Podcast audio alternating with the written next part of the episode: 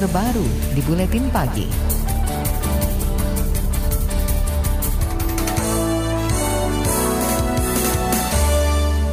Komisi Perlindungan Anak Indonesia atau KPAI menyebut jumlah anak yang terpapar rokok berpotensi meningkat pada 2024. Komisioner KPAI Siti Hikmawati menyebut 2019 lalu prevalensi anak terpapar rokok mencapai angka 9 persen atau setara dengan 7,8 juta anak. Pada 2024 mendatang, angka itu berpotensi meningkat menjadi 13 persen. Atas kondisi ini, KPAI mendesak pemerintah melindungi anak dengan menerapkan konvensi kerangka kerja pengendalian tembakau yang mengatur tentang pengendalian produksi, distribusi, dan konsumsi rokok. Kalau kami dari segala macam perspektif melakukan kajian, tentu saja kita aksesi FCTC, Framework Convention on Tobacco Control. Prinsipnya melakukan upaya perlindungan secara khusus kepada anak, kemudian kita juga tidak akan sendiri karena di dalam negara yang sudah menganut FCTC itu mereka akan berikan bantuan yang cukup optimal supaya kita bisa melawan industri rokok. Komisioner KPAI Siti Hikmawati juga menambahkan, Indonesia pernah membuat peta jalan pengendalian tembakau pada 2013. Namun tidak ada tindak lanjut dari peta jalan itu. KPAI meminta pemerintah mencegah banyaknya anak terpapar rokok di masa mendatang. Selain itu, KPAI juga menganggap iklan rokok yang masif membuat anak terpikat mengonsumsi rokok.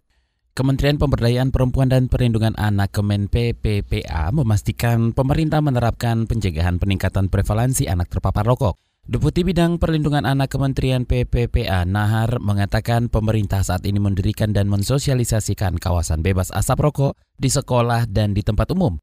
Di samping itu, kata Nahar, pendekat, pendekatan kabupaten kota layak anak di berbagai daerah menjadi fokus pemerintah untuk menekan angka anak terpapar rokok.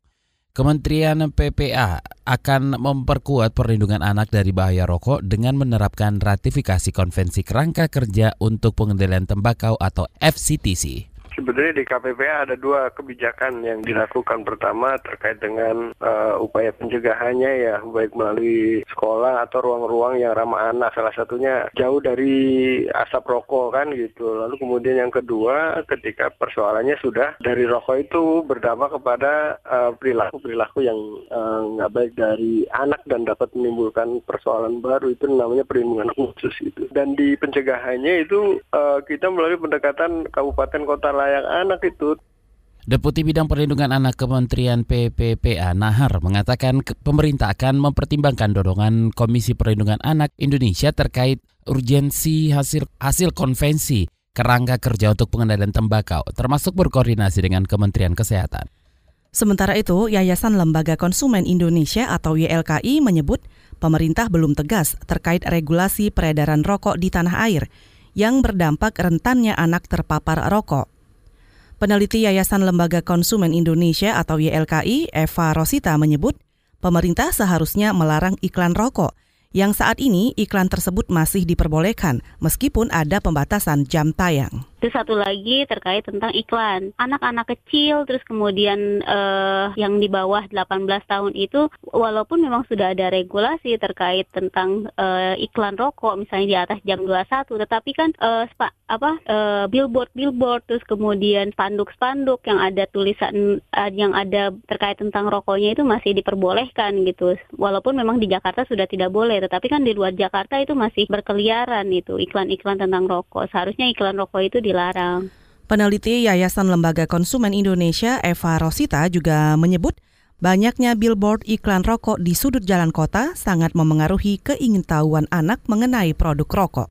Komisi yang membidangi perlindungan anak DPR membuka peluang regulasi baru terkait perlindungan bagi anak agar tak terpapar rokok.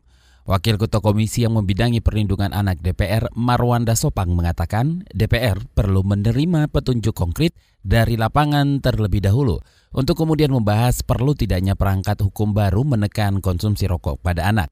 Ia memastikan DPR tidak akan mentolerir upaya membahayakan kesehatan dan tumbuh kembang anak akibat paparan rokok perlindungan anak ini mengenai rokok ada beberapa hal. Kalau dibutuhkan uh, semacam regulasi baru paling tidak ada petunjuk pertegasan ya kita lakukan. Apa yang diprediksi oleh KPI itu itu kan semacam prediksi dari angka-angka yang menjadi tren yang sudah menunjukkan sekarang itu. Kita belum membahas secara khusus kira-kira perkembangan apa yang penelitian di lapangan itu. Uh, kalau dibutuhkan perangkat-perangkat hukum baru ya kita akomodir kalau itu sudah membahayakan Wakil Ketua Komisi Bidang Anak dari Partai Kebangkitan Bangsa PKB ini mengatakan DPR masih menunggu laporan resmi dari Komisi Perlindungan Anak Indonesia KPAI terkait prevalensi anak terpapar rokok. Marwan menjamin DPR akan mendorong pemerintah untuk menekan angka anak terpapar rokok di tanah air. Menurutnya, saat ini aturan mengenai pencegahan merokok anak cukup kuat. Namun, kata Marwan akan ada perubahan jika DPR menemukan adanya ancaman anak terpapar rokok. KBR, inspiratif, terpercaya.